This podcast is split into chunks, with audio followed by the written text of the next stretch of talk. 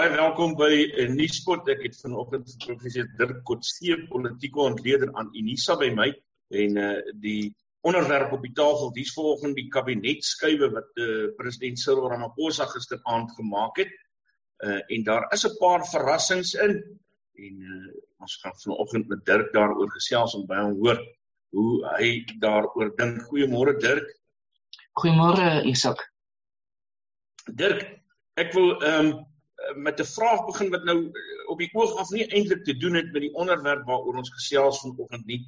Ehm um, maar ek doen dit nou doelbewus so uh, en dit is uh, is nou die 4de jaar uh dat uh, president Cyril Ramaphosa in 'n krisis is en uh op die punt staan om uh om uit sy amp uitgeskop te word as mens uh van die ontleeders in Suid-Afrika moet glo. Ehm um, hoe lank moet 'n president in 'n krisis wees voordat ons nou kan aanvaar dat hy uh dat hy 'n president is wat nou maar sonder daai spanning hoef te leef? Ek dink nie daar's 'n spesifieke periode nie. Ek dink as jy mens kyk na die geskiedenis van baie lande in die wêreld, is baie persone wat uiteindelik 'n groot verskil maak aan dan in daardie land uh eintlik die hele periode in 'n soort van 'n krisis situasie. Um ek dink byvoorbeeld uh aan die situasie in Turkye in die vroeë 1920s toe Atatürk wat vandag hulle hooffiguur is, hulle vaderfiguur in Turkye en hoe hy deur verskillende krisisse moes beweeg. Iemand soos uh, Samuel P. Huntington, 'n baie bekende politieke wetens, wetenskaplike en ons geleerde nou, het 'n boek geskryf met die naam Political Order in Changing Societies en daarin beskryf hy onder andere die prosesse in Turkye in redelik in detail as 'n voorbeeld van hoe 'n hervormingsproses moet plaasvind teenoor die idee van 'n blitzkrieg soos hy dit noem. En ek dink president Ramaphosa is in presies dieselfde situasie. En die rede daarvoor is die 9 jaar van president Zuma. Ehm um, dink dink 'n oomblik daaraan dat uh wat ons gesien het is 'n sistematiese afbreek van die staat in sy verskillende aspekte. Die instellings van die staat, die moraliteit, die morele waardes van die staat en dit vat baie meer tyd om dit op te bou as om dit af te breek. So ek dink wat ons sien in die die woorde wat president Ramaphosa gebruik, is spesifiek spesifiek bedoel daarmee. Dis hoekom ek hierdie situasie sy periode as sy ten minste sy eerste termyn, waarskynlik sy tweede termyn as president, want ek dink hy gaan herkies word. Ehm um, sien as 'n as 'n periode van van oorgang, as eintlik 'n derde oorgangsproses 1990 was die eerste die vroeë 90s was die eerste toe die periode tussen president Mbeki en Zuma vir daardie spesifieke redes en nou weer. Um en dat dit 'n 'n oorgangsproses is maar terselfdertyd 'n hervormingsproses terme van die ekonomie wat radikaal moet verander, nie net as gevolg van die Zuma jare nie, maar as gevolg van die pandemie ook. Ek vra dit spesifiek Dirk omdat ehm um, van die kommentaar gisteraand op sosiale media was uh in in in die trant van dit is nou alweer Cyril wat ruggraatloos is uh na hy uh, sy uh, nuwe kabinet aangekondig het of die skuwe wat hy gemaak het eerder. Ehm um, kom ek vra vir jou, is is hierdie skuwe die skuwe van 'n president wat ruggraatloos is of is daar iets anders te sien? Nee, ek, eerstens moet ek sê ek kry relatief min waarde aan die sosiale media. Ek weet ek is op 'n dun ys as ek dit sê. Ja. Maar ehm um, ek dink wat wat nodig is in hierdie omstandighede is nie mense se gut feelings is dat daar moet baie meer diep diep liggend gekyk word na wat werklik besig is om te gebeur. Ehm um, en daarvoor is daar baie meer soort van gegronde analise nodig as bloot net menings uitspreek. So ek is ek is versigtig om na daardie tipe van menings te kyk as verteenwoordiging van menings in Suid-Afrika in die algemeen. Ehm um, Ek dink wat ons wat ons nou gesien het is president Ramaphosa aan onthou dis dis 'n dis 'n kabinetsverandering na 2 jaar. Die vorige kabinetsverandering was in 19 was in 2019 na die verkiesing gewees. So en voordat weet hy natuurlik het 'n president geword na president uh, Zuma bedank het. So hy's eintlik in 'n sekere sin in twee fases, die voor die 2019 en nou na 2019 mens moet ook in gedagte hou kabinetskommelings behalwe tydens die Zuma era is 'n skaars item. Dis nie iets wat baie dikwels plaasvind. President Mbeki het dit nooit gedoen nie. Behalwe na 'n algemene verkiesings. so ons moet moet daardie perspektief ook in gedagte hou. Ek dink wat nou plaasgevind het is is twee aspekte met uh, wat hy gisterand aangekondig het. Aan die een kant het hy gereageer op aspekte wat hy direk uitgespel het. Die een is is die die gevolg van die pandemie. Ehm um, en dat hy dat as gevolg daarvan nuwe aspekte nou ter sprake kom. Daar's 'n nuwe kyk na die ekonomie is nodig. Boonbehalwe die ou probleme wat in die Suid-Afrikaanse ekonomie bestaan. Saam daarmee was die gebeure in KwaZulu-Natal en in Gauteng en die sekuriteitsaspekte. So dit is eintlik sommige sal sê amper 'n perfekte storm wat hy beleef het. Um en hy moes moes daarop reageer saam met natuurlik die die uh die vakatures wat ontstaan het, die twee vakatures van Jackson Mthembu en nou van minister uh, Mkhize. So die dit alles sou ek sê moet hy moes hy en het hy gesê en het hy in ag geneem. Die feit dat 11 portefeuilles geraak is, was meer as wat ek in gedagte gehad het, as wat ek gemeen het wat ter sprake gaan kom. Ek het gedink soos baie dat dit gaan fokus primêr op die sekuriteits uh, portefeuilles um, en dan miskien sekere aspekte van die ekonomiese portefeuilles. Maar wat ons nou sien is 'n baie wyeer kyk daarna. Wat ek optel in my interpretasie is dat dit baie min te doen gehad het met die Zuma Ramaphosa groeperings. Ehm um, daar is nie in, in daardie opsig werklik skuwe gemaak nie, behalwe in die geval van uh, Ayanda Dlotlo wat na my mening afgeskuif is, hoewel nog steeds na 'n belangrike portefeulje toe. Die die die tweede oorweging wat wat dis hier te sprake is, gaan oor die die wyse waarop sy hy sê kabinet probeer herstruktureer het om belangrike portefeuilles te probeer versterk. Ehm um, so dat dit meer gegaan dink ek oor wat is op die oomblik die belangrikste vraagstukke wat die regering moet aanspreek.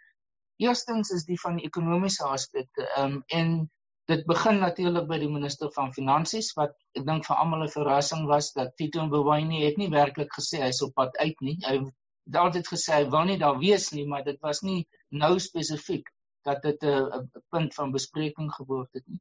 Um en dan is dit die die sekuriteitsaspekte wat ter sprake gekom het. Sekerlik die belangrikste is die wyse waarop nou wat wat uh, intelligensie, nasionale intelligensie hanteer is.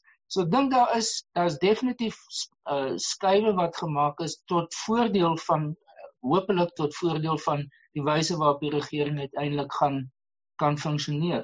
Want 'n sekere aantal ministers wat nie in die nuus was nie, is na my hmm. mening gedegradeer insluitende mense soos Lindiwe Sisulu ehm um, wat weggeneem is van water en sanitasie ehm um, 'n persoon soos Stella ehm um, Debeni Abrams wat weggeneem is uit 'n portefeulje wat ek altyd beskou het te min aandag kry en dit is van kommunikasie in die nuwe vorms van digitale en ander vorms van kommunikasie wat moontlik word.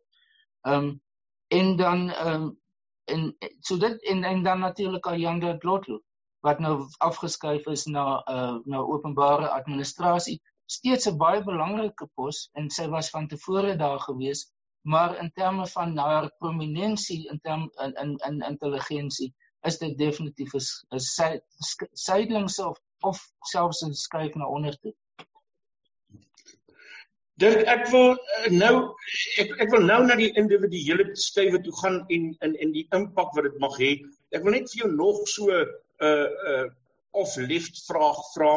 Ehm um, net net net om my agenda so bietjie te bou. Ehm um, maar maar kyk ek is ek gesê as nou al lank genoeg politiek om seker ehm um, so bietjie van 'n uh, van 'n waarneming waardig te mag wees. Maar as mense nou kyk ehm um, na na kabinet samestellings ehm um, die verkiesings van presidente deur die afgelope klomp jare dan net 'n uh, 'n stam en en en verbondenheid aan 'n spesifieke groep in 'n stadium 'n baie baie groot rol gespeel. Soveel so dat uh daar in 'n stadium gesê is uh met die met met Cyril Ramaphosa se eerste drome daaroor dat uh dat hy nie dat hy nie in die regte stam of klas is uh en en en dat uh daar ander mense is wat voor hom verkies sal word en dit het ook so gegaan uh met met met die aanstelling van ministers. As 'n mens deesdae kyk ehm um, na na 'n kabinet soos uh, president Cyril Ramaphosa se dan dan lyk dit of daai deel van die gesprek uh so bietjie op die agtergrond geskuif is al. Ehm um, en en en dat daar heel wat meer bestendigheid uh, gekom het ten opsigte van 'n kabinet. Dis my waarneming. My vraag is ehm um, wat is jou kommentaar daarop? Is ek heeltemal out of line hier? Nee, ek ek dink jy is jy's reg daarmee. Ek dink wat wat wat ons moet in gedagte hou is is dat jy's jy's jy's ook korrek dat byvoorbeeld in die Mandela Mbeki periode het hulle gepraat van die sogenaamde Cosa Nostra. Daarna in die Zuma era van dat dit is die tyd van die die Zulus uh in prominente posisies en baie aanstellings van Zulus is gemaak. Nou was daar die die, die verwagting dat dit waarskynlik nou of Gauteng of die noordelike provinsies Limpopo is wie se tyd dit is om om nou te skep, nou om om nou in in in senior posisies en prominente posisies te wees. Ek dink die een punt van van president Ramaphosa wat mense altyd in gedagte moet hou is Hy kyk na nie rassigheid nie as 'n konsep nie, maar as 'n belewing van homself want hy het deur die prosesse van die UDF en Kusatu gekom. Die ander persone, iemand soos president Mbeki of president Zuma, het nie daai belewing gehad nie, het nie daardie ervaring gehad van hoe 'n UDF uiteindelik kon saamwerk oor verskillende grense heen, provinsiale grense, kulturele grense, alle tipe grense waarvan jy omtrent kan dink nie. So dis Dis die verwysingspunt van president uh, Ramaphosa wat die ander presidente nog nie gehad het. Hy is gebore in, in of kom oor kultureel gesproke uit Limpopo, maar sy lewe is eintlik in Soweto gewees, né? So hy het nie hy het nie daardie selfde soort van assosiasies in terme van provinsialisme of etnisiteit of wat mense dit ook al wil noem as wat van tevore bestaan het. En ek dink dis presies die punt wat hy nou probeer maak is dat hy probeer dit onderspeel. Dis hoekom hy verwys het na baie uitsonderlik na, die sy eerste uitspraak oor wat gebeur het by 'n kantla en daarna het hy gesê dis 'n vorm van etniese mobilisering? En hy het dit in 'n in 'n negatiewe sin gesê. Hy het dit gesê implisiet dan was kritiek daarteen gewees, né? Dat dit 'n misbruik is van die idee van 'n politisering van van kulturele en en en groepsidentiteite. So ek dink dit dit dit is een aspek wat wat te sprake is wat prominent is in sy denke. Maar 'n ander aspek wat ons nie moet weggooi nie, want dit is die essensie, dis die DNA, DNS van van die ANC se se manier van werk en ek dink die meeste partye se is die rol van provinsies. Um en in die geval van die ANC Hoewel sy grondwet sê dit is uiteindelik 90% van die afgevaardigdes by 'n nasionale konferensie kom van die takke af. Is daai takke lede deel van provinsies? En provinsies vorm die caucus, né? Waar die werklik en dit's provinsies wat uiteindelik die, die finale nominasies ter tafel lê vir die top 6 sowel as die lede van die uitvoer nasionale uitvoerende komitee. So provinsies het baie mag, institusionele mag in die ANC en ons gaan dit nou weer sien volgende jaar is dat die die deurslaggewende faktor vir die verkiesing van 'n president of sekretaris-generaal of die ander gaan oor of daar 'n meerderheid van steun in die grootste hoeveelheid provinsies vir daardie kandidaat is. So dit is dit gaan byvoorbeeld dis oor KwaZulu-Natal wat 'n baie prominente provinsie nou is. Maar dit gaan nie net oor Zulus, dit gaan ook oor mense soos Pravin Gordhan en ander in KwaZulu-Natal en Mosheik en ander persone wat almal van Natal afkom wat deel is van daardie provinsiale opset binne die ANC. So mense moet kyk na wat is die rol van die provinsies en hoeveel afgevaardigdes hulle by sê maar die nasionale konferensie of ander byeenkomste het. En daar is waar dis hoekom ek sê ek weet nie of jy daaroor gaan praat nie maar byvoorbeeld die rol die, die posisie van uh, Becky Taylor in in die konteks van KwaZulu-Natal. Hoekom dit nie gaan oor of hy Zulu is of nie, maar dit gaan oor die rol wat hy in die provinsiale politiek speel. En ek dink dis dis wat prominent is in die gedagtes en dat president Ramaphosa probeer 'n balans tussen die verskillende provinsies skep in terme van hulle teenwoordigheid in die kabinet ook. Want onthou een ding byvoorbeeld is dat in die top 6, dis die eerste keer sedert 1991 dat daar geen persoon van KwaZulu in die top 6 van die ANC is nie. So ander mate van kompensasies moet dus gemaak word. Goed, ons het dan nou sommer ehm um, twee vrye met een klap nou geslaan so 'n bietjie kwelly afgehandel. Kom ons gaan kyk na 'n paar van die ander individue. Ek gaan nou nie almal bespreek nie, maar daar's 'n paar sleutelfigure wat ek tog na wil kyk. Kom ons kyk na Tito Mboweni uh se bedanking. Ehm um, is daar iets sinister daaraan? Um, of is dit iets wat ons kon verwag het? Hy het van die begin af gesê vandat hy deur president Ramaphosa as minister van finansies aangestel is dat hy is daar vir die korttermyn. Hy, hy het dit eintlik teensinnig gedoen. Hy het gesê hy wil eintlik na sy plaas toe gaan en hy wil eintlik begin aftree en hy wil eintlik nog nog besigheid doen. So dit was altyd in die pipeline dat dit nie 'n langtermyn aanstelling was nie. Ehm um, hy het daarna weer gevra om om uh, uit die kabinet te beweeg en toe het, is dit nie goed het president Ramaphosa dit dit nie goed gekeer. So dit is eintlik nou die die derde geleentheid gewees waar hy gevra daarvoor. Ek dink nie daar is daar's druk van van buite of selfs van binne die ANC dat hy moes bedank nie. Ehm um, hy is 'n persoon wat baie op sy eie beweeg. Hy het nie noodwendig hy het nie 'n groot magsbasis binne die ANC nie. Hy's 'n bietjie van 'n persoon wat op sy eie beweeg. Ehm um, en wat ook dikwels sy eie denke het, maar hy is invloedryk. En die belangrike punt is is dat hy is deel van 'n groepering binne die ANC van ekonomiese en finansiële denkers of fiskale denkers. Hy is een van die goewerneur van die Reservebank se aan die een en nog Kodongwana wat hom nou gaan opvolg is deel van daardie groepering uh die uh, ander senior persone in die tesorie soos die direkteur-generaal is ook deel daarvan. So dis 'n informele groepering wat bestaan en wat duidelik met mekaar praat oor finansiële en fiskale en uh, aspekte van die van van die huidige situasie in Suid-Afrika. So hy is nie dat hy in 'n sekere sin heeltemal op sy eie beweeg het nie. Um hy is wel nie 'n vriend van die linkerkant of dit nou hmm. die kommunistiese party en Kusatu en die ander is nie omdat hy in 'n sekere sin gesien word as iemand wat nie baie maklik beheerbaar is nie. Hy hmm. hy neem besluite buite die konteks van die die kollektief, nou van die van die alliansie idee of so.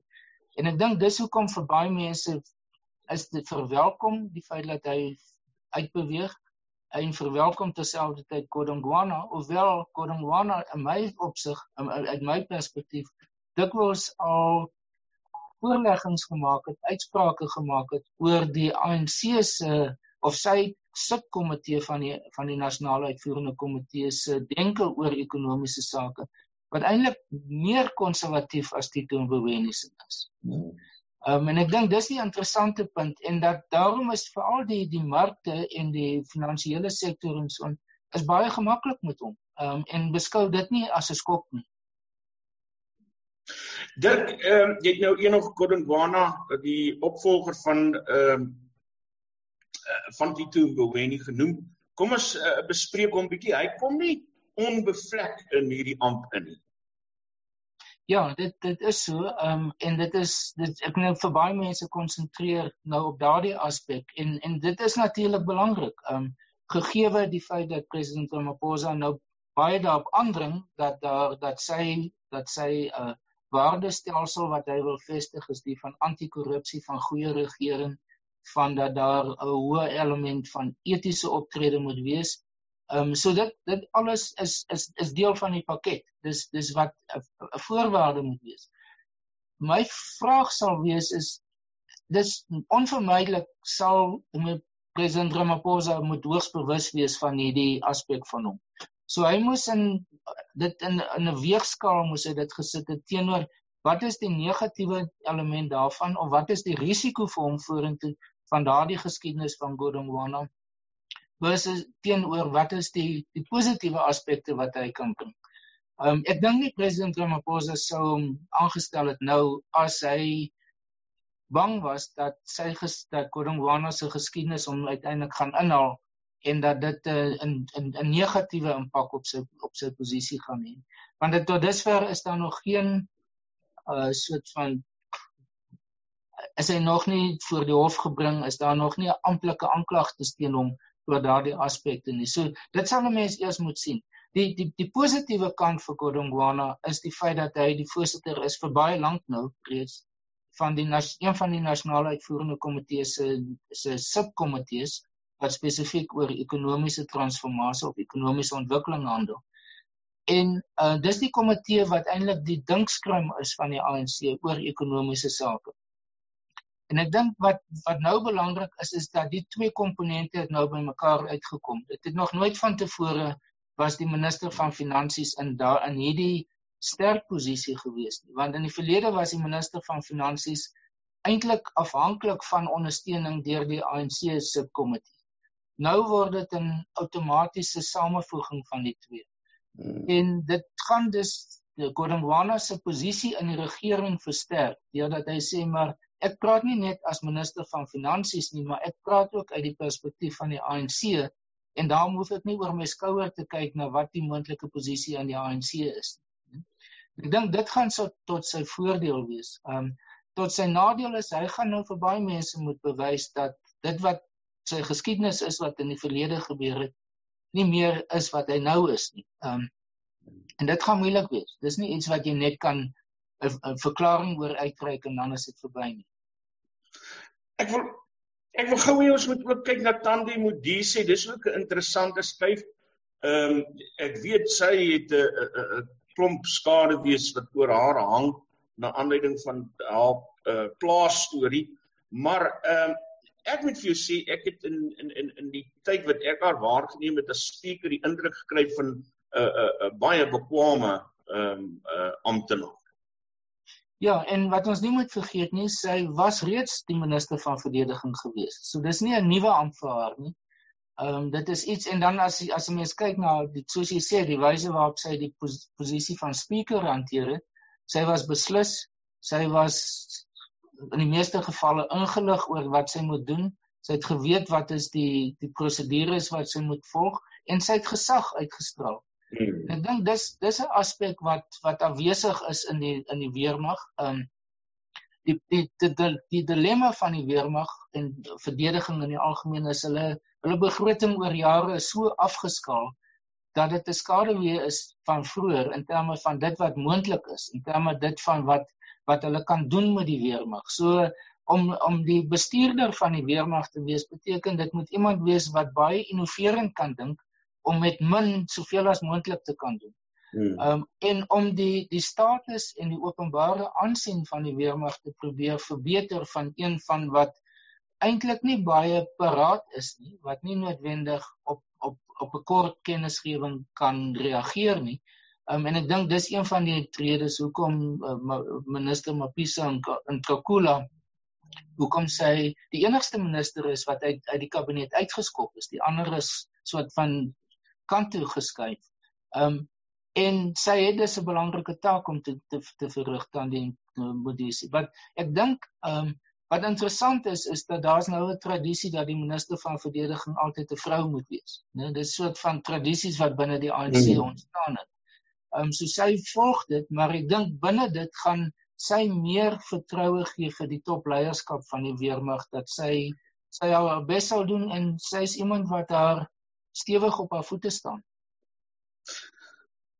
En dan is daar ehm um, die kwessie van staatsveiligheid iets wat uh, geweldig agterweë gelaat is in die afgelope klomp jare baie skade gekry het.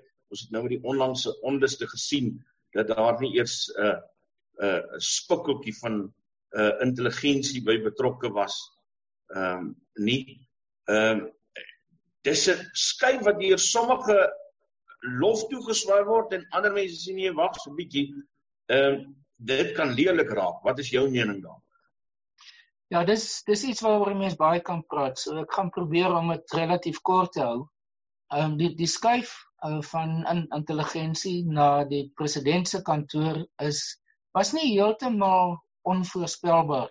Ek meen wat iets wat baie min aandag kry is die feit dat die president Ramaphosa nou die nasionale veiligheidsraad ge, geaktiveer het weer. Eh, wat tydens die Zuma periode heeltemal tot stilstand gekom het, maar wat in die Mbeki periode relatief aktief was. Um en een van die en dat hy voorsitter daarvan is en toe dit omtrent 2 weke gelede aangekondig het of 'n bietjie vroeër is, ja.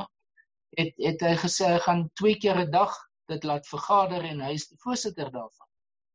en dit bestaan mense kan na die wetgewing gaan kyk maar dit bestaan uit verskillende ministers van verdediging, polisie, intelligensie, uh die hoofamptenare van hierdie groepering soos die hoof van die weermag, die sekretaris van verdediging, die direkteur-generaal van intelligensie.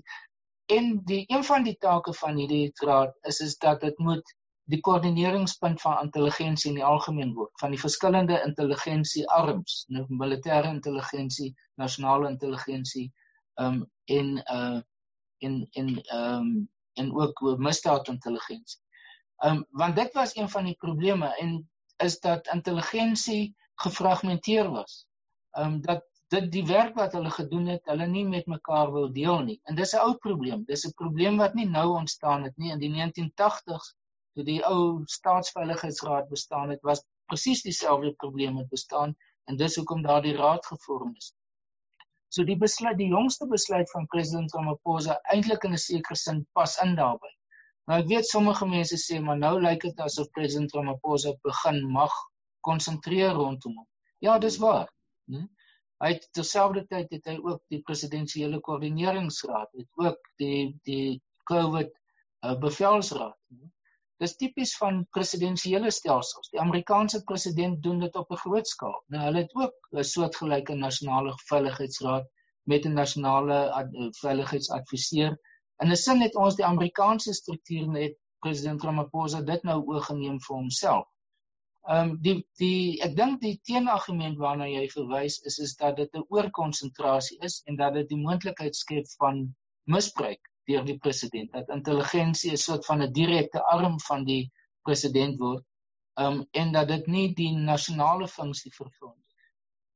As jy mens egter baie waar meer diep daarna kyk, dan dan is dit presies wat intelligensie is. Dit is 'n ondersteuningsbasis, 'n ondersteuningsfunksie vir regering in die algemeen en baie spesifiek vir die president.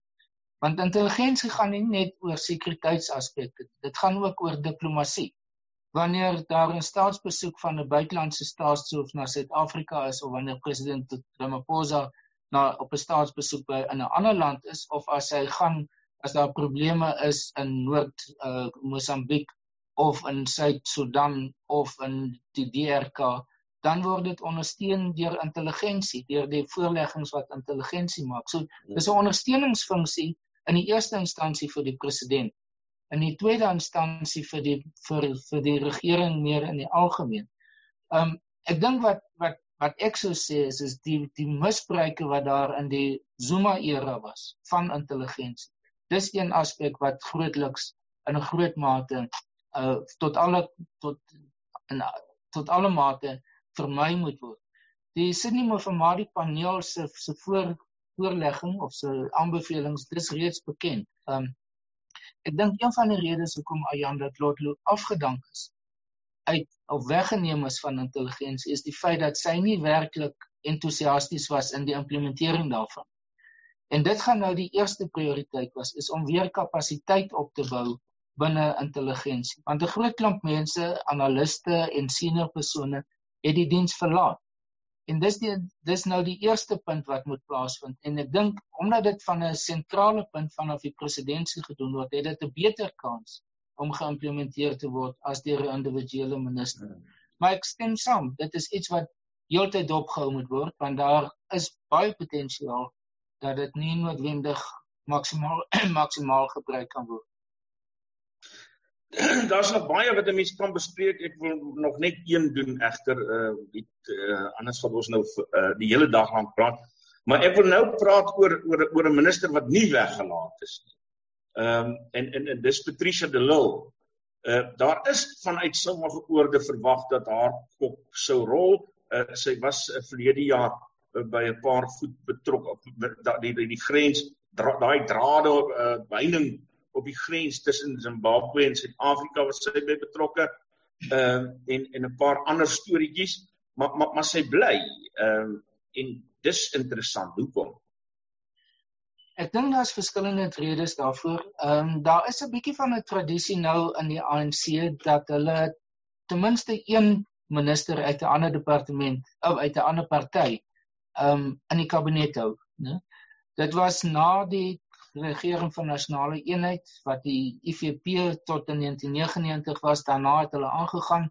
Daarna as Azapo se leier um Mangena hy het deel geword van die UDM se adjunkleier het die het 'n adjunkminister gewees.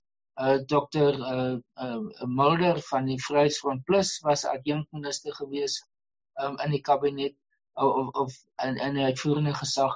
So daar is 'n tradisie daarvoor. Boonbehalwe daardie tradisie, dink ek een van die aspekte van die ANC is hulle die provinsie waarna hulle die slegste doen is die Weskaap. En dit dit gaan net nie beter met die ANC in die Weskaap. So ek dink dis in in president Ramaphosa het duidelik gesien dat die die breinstem in die in die algemeen glad nie meer naby die ANC is nie. So ek dink die uitreik nou Patricia de Lille het iets daarmee ook te maak. Ehm um, wat hy nog boonbehalwe wat hy dit sien is is dat die breinstem 'n bietjie van 'n bron van kompetisie nou gaan wees in die toekoms tussen die ANC en die DA. Ehm um, en dat die kleiner partye soos Good en die ander kleiner uh, partye wat hulle self veral in die Weskaap gedefinieer het nou dat hulle klein Patriotic Alliance is 'n ander voorbeeld. Alhoewel hulle klein is, maak hulle impak op veral op plaaslike vlak. Um en dat hy waarskynlik wil probeer uitreik en meer kompeterend word in die in die vir die breinstem as wat dit was tydens die periode van president Zuma. So ek, ek dink daar's 'n element daarvan ook te sprake. Mm. En daarom sal hy nie graag um die vir haar wil uitwerk uit die kabinet nie en gegee haar geskiedenis binne die DA in in Kaapstad self terwyl sy daar burgemeester was is ook eintlik 'n teenboodskap vir dit wat die DA in die Weskaap is. So daar's verskillende dimensies dink ek wat hier te sprake is. Dink ek wil ten laaste ehm um, weer so 'n stukkie persoonlike waarneming maak. Ehm um, en en en sonder om uh die negatiewe, dit wat verkeerd is, ehm um, af te maak uh, wil ek tog sê dit dit my indruk uh van die afgelope 4 jaar uh dat daar stukkie vir stukkie besig is om 'n 'n konsolidasie plaas te vind. Ehm um, dat die president dit reg kry om stukkie vir stukkie ehm um, sy hou vas uh te vestig binne die ANC self en en as president van die land. Ehm um, soos ek sê, dis 'n persoonlike waarneming daar's baie mense wat met my sal verskil. Ek weet JP Landman is verlede week uitgekry as 'n as 'n iemand wat onrealisties is toe hy of meer dieselfde uh boodskap uh gegee het. Ehm um, wat wat is jou gevoel oor uh, oor dit wat ek sê? Dis ironies dat jy dit sê ehm um, Isak want ek self het in die verlede bietjie op my eie gevoel toe ek hierdie tipe van standpunt gehoudig het. Ehm um, my interpretasie gaan verder net as wat president Ramaphosa doen, maar ook wat hy is. Ehm um, en die die een punt wat baie mense net nie of uit die oog verloor is die institusionele mag wat hy het as 'n kombinasie van die nasionale president en die ANC se president. Na my mening is daar glad en geheel geen kompetisie daarvoor. Nou daar is daar is nie 'n gelyke speelvlak waarin die president in kompetisie staan met die sekretaris-generaal of sommige ministers of president Zuma of wat ook al. Daar is net geen kompetisie vir daardie posisie, né? So dit is uh dis my beginpunt. Die tweede punt is is dat president Ramaphosa tot dusver het vergelyk dit met die Zuma era. Daar's geen mosie van wantroue teen hom nie. Daar's geen soos hulle in Engels sê impeachment inisiatief teen hom nie. Daar's geen hofuitsprake wat sê hy het onwettig of onkonstitusioneel opge, opgetree of dat daar nie volgens prosedures is nie. So al die aspekte wat daar was in die geval van president Zuma en ten spyte daarvan dat die ANC en die regering al en en die parlement hom nie van hom ontslaak kon raak nie, ten spyte daarvan is nie teenwoordig in die geval van president Ramaphosa nie. Nou boonbehalwe dit sou ek sê wat ons die afgelope 3 jaar, 4 jaar gesien het is is iets anders en dit gaan terug na Atatürk waarvan ek van tevore gepraat het in Huntington se benadering van hervorming versus blitzkrieg. En president Ramaphosa is baie duidelik besig met 'n hervormingsbenadering.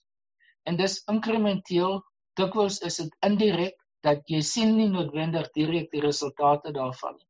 Ek vergelyk dit met die en ek het dit nou al op 'n paar plekke gedoen. Die die die die verskil tussen die benadering van 'n 'n leeu wat 'n bok vang. Dis dramaties, daar's bloed en daar's 'n gebrul en dit is sigbaar vir almal om te sien. Teenoor 'n luislang wat onsigbaar uit die boom kom, die bok uh, omkrul en dit stelselmatig dooddruk. Niks van die fanfare van die dramatisheid daarvan nie. Ehm um, en dit neem langer, maar die resultaat is uiteindelik dieselfde of selfs miskien meer seker want die bok mm. kan nog wegkom uh, van 'n leeu af. En ek dink president Ramaphosa gebruik die luislang benadering. En dis onindrukwekkend baie dikwels weet jy nie waarmee hy besig is nie. Dis hoekom ek sê dis indirek van aard. Um want hy wil nie sy plan op die tafel sit nie, want dit skep onmiddellik maak dit duidelik wat is die teikens vir die oppositie wat hoe hulle dit kan afskiet, né? So as gevolg daarvan sien 'n mens die resultate eers op 'n baie later stadium. En dit is een vir een begin die resultate na vore kom. Kyk byvoorbeeld die wyse wat wat plaasgevind het met Eskom niks dramatiese tipe van aankondigings nie. Maar stelselmatig het hulle begin implementeer die ontbondeling in terme van die drie eenhede. Nou die die aanstelling van Andre de Ruyter, die die de facto privatisering van 'n groot deel van Eskom wat vroeër jare totaal en al buite die konteks, byna buite die paradigma van die ANC bestaan het. Dieselfde met SAL. Nou dit word nie aan die groot klok gehang nie. Maar as 'n mens diep daarna kyk, is dit dramatiese skuwe wat plaasgevind het. So ek dink dit is die benadering van president wat wat Ramaphosa vorentoe gaan volg is is om stelselmatig dan ook mense wat problematies is soos Ysmagashule, soos president Zuma eintlik in die politieke koue te laat. Nie hy maak nie dramatiese skuwe teen hulle nie. Maar dis eerder dat hulle mettertyd die die suurstof soos van die luislang, die suurstof word van hulle ontneem hulle word verlam né ehm um, sonder dat hy in dieselfde was wat hy nou gedoen het met Willem Kiesig hy wou nie die persoon wees wat hom op 'n traumatiese wyse afdank maar uiteindelik het hy die punt bereik wat Willem Kiesig self bedank en dit het nie daardie negatiewe impak of skade wat dit andersins sou gehad het in die algemene gemoed in KwaZulu-Natal so ek dink dit is die Ramaphosa benadering en uh, ons sal aan die einde sal ons by die punt wees wat ons gaan sê ja dit het gewerk of dit het nie gewerk nie. Maar vir my lyk dit asof Suid-Afrika en die institusionele instellings van die regering en die openbare sektor in die algemeen vandag sterker is as 4 jaar gelede vat byvoorbeeld SARS. Ek en jy betaal die prys van 'n meer effektiewe SARS vandag.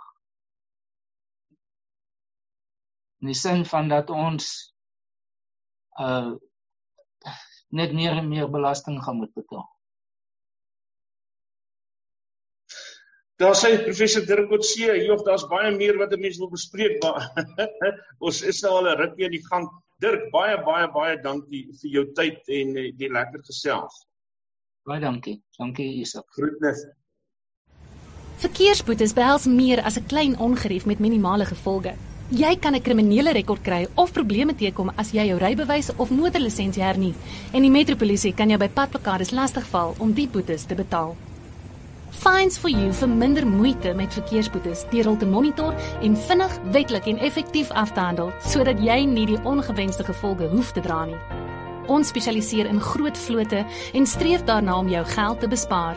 Kontak ons gerus op 011 867 7331 of besoek ons webtuiste by www.finds4u.co.za.